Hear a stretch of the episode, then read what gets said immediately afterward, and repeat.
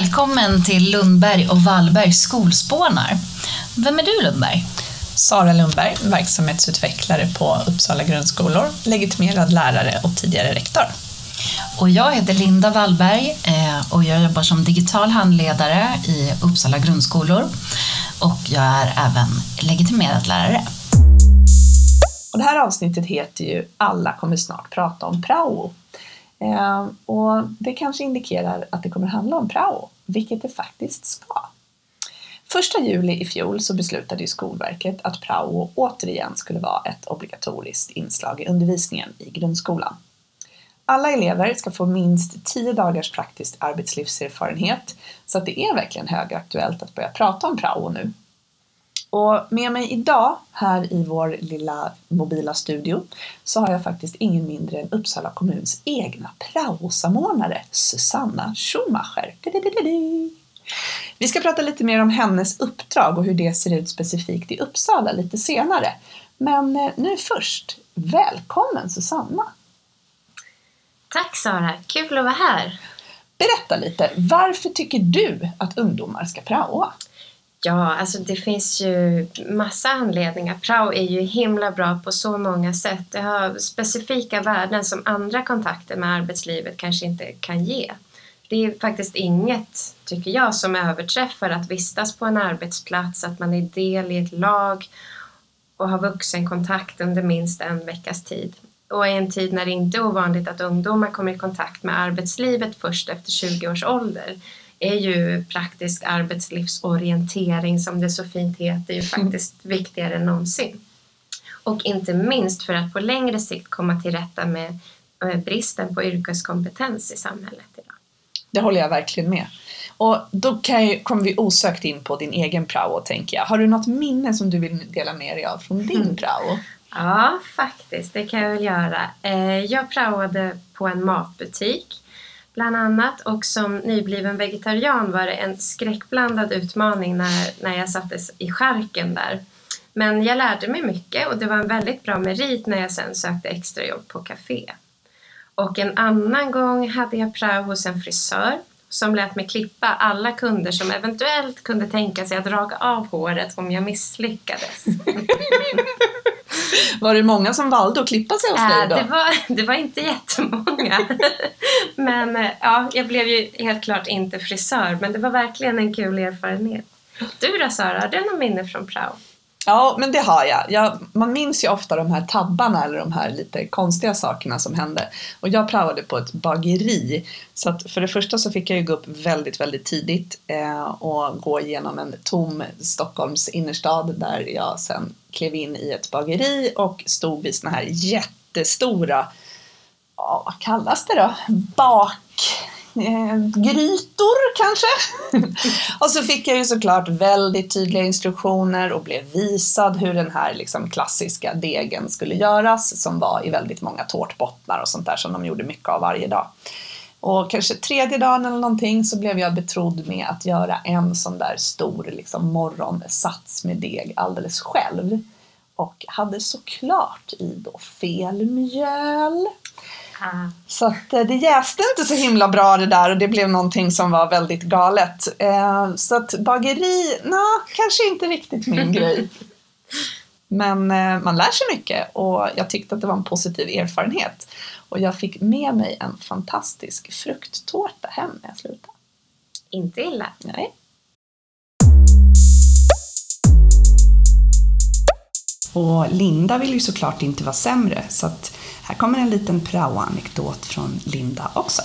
Ja, men såklart. Ett av mina praoställen, eh, för jag gjorde prao på två olika ställen, men det ena var på Uppsala Buss citykontor, eh, som då låg på Vaxallagatan i själva rådhuset. Och där fick jag göra allt från att ladda folks busskort, svara på vilken buss som går vart och ofta även på telefon. Eh, och jag kommer ihåg att många ringde för att få liksom en vägbeskrivning och vilka bussar de skulle ta för att ta sig från A till B. Och det är ju lite spännande för den funktionen finns ju, mm, den kanske finns kvar men inte i samma utsträckning för idag har ju det liksom ersatts med olika typer av appar. Ehm, men den här praon i vart fall, den bidrog sen till dels sommarjobb och extrajobb på lov. Och sen när jag började på gymnasiet fortsatte jag att jobba extra där. Eh, så att eh, på den tiden hade man ju stenkoll på alla busslinjer i stan.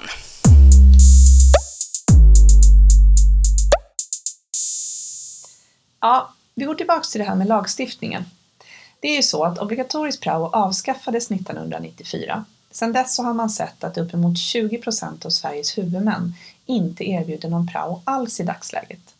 Så syftet med att återinföra prao som obligatorisk var ju att upprätta en tydligare koppling mellan skola och yrkesliv. Och vår före detta utbildningsminister Gustav Fridolin menar ju på att prao ska vara en självklar del i studie och yrkesvägledningen. Anledningen med prao är ju att ge eleverna en bredare bild av yrkeslivet än vad de kan få av de vuxna i sin direkta närhet. Och det här är lite spännande tycker jag med ungdomar idag. På vilket sätt kommer de i kontakt med yrkeslivet? Eh, ja, just i Uppsala har vi ju faktiskt fördelen att ha ett väldigt aktivt team som har lyckats otroligt bra i sitt arbete med att ordna sommarjobb åt kommunens ungdomar. Så där ligger vi i framkant. Men det är också så att vi är en del av ett samhälle som allt mer digitaliseras och individualiseras och arbeten idag kan ju se väldigt annorlunda ut jämfört med bara för ett par år sedan. Ja, och det där är ju högaktuellt när vi pratar skolutveckling. För fortfarande så är ju den faktiskt relativt slitna begreppet att vi utbildar ungdomar för yrken vi inte vet vilka de är högaktuell. Jag hörde det senast för bara någon, några veckor sedan på en konferens. Och I och med en ökad entreprenörsanda som ju faktiskt digitaliseringen möjliggör så stöter i alla fall jag på jättemånga nya yrkestitlar som jag kanske inte hade hört talas om för tre fyra år sedan. Och det är också lite spännande utifrån min roll som förälder när jag lyssnar på mina egna barn som är i mellan och högstadieåldern. Eh, för deras förebilder är ju yrkesverksamma personer som kanske är youtubers, influencers eller drivande inom startup-branschen. Så jag tänker att prao fyller en viktig funktion också i att bredda ungdomars kunskaper om alla olika möjligheter inför yrkesval som finns. Ja, precis. Jag håller med. För Sen är det ju så också att parallellt med den här moderna utvecklingen så ser vi också en stor brist på utbildad personal i många samhällsviktiga branscher och oavsett hur långt vi går med teknik och alternativa arbeten så behöver vi fortfarande människor som, som bygger hus, som tar hand om våra barn och som hjälper oss när vi blir sjuka. Sen är det ju faktiskt så nu för tiden att det är vanligare att göra flera olika karriärer under sin livstid än att man följer ett enda spår. Och möjligheten att arbeta digitalt med många saker gör det ju också lättare att kombinera olika former av arbetsåtaganden i livspusslet. Och enligt SSYK finns det ju faktiskt hela 8000 olika yrken. Så jag tycker att vi alla i samhället måste hjälpas åt för att lyfta och visa upp det här smörgåsbordet för dagens ungdomar. Det går att vara både youtuber och elektriker samtidigt. Eller som jag själv, praosamordnare och samhällsentreprenör. Exakt! Och jag tänker att yrken också förändras. För min dotter, hon vill ju väldigt gärna bli veterinär. Och det kan ju hon faktiskt bli i en app nu för tiden. Detta med studie och yrkesvägledning, som ju det här med prao är en del av, är otroligt viktigt. Jag kanske ska skola om mig, vem vet? Vad gör en praosamordnare egentligen? Ja, kanske det. Eh, jag nätverkar med näringslivet och träffar representanter från skola och ledning för att sedan kunna förmedla praoplatser till elever i årskurs 8 och 9. Igår var jag faktiskt på en skola här i stan och hade äran att förmedla hela 18 praoplatser på olika mm. spännande ställen. Så jag är ständigt på jakt efter nya möjligheter till samarbeten och är det någon som hör det här eh, är det bara att kontakta mig om en har tips av något slag eller frågor om prao i allmänhet förstås. Och mina kontaktuppgifter finns på Pedagog Uppsala. Mm. Och just på Pedagog Uppsala så har ju vi planer på att även fortsättningsvis visa upp delar av ditt eh, arbete. Och vi följer ju det här med spänning och vi kläckte ju idén här nu när vi satt i pausen att nästa gång så kanske det faktiskt är en elev som kommer hit och får berätta om sina prao-erfarenheter. Vad tror du om en sån idé? Det verkar jätteroligt. Eller det tror jag kan bli superbra. Verkligen. Så jag säger så här, tack för den här gången Susanna och stort lycka till med ditt fortsatta arbete och på återseende. Tack så mycket Sara. Det var supertrevligt att få komma hit idag och dela med mig av detta för snart kommer alla att prata om prao. Precis!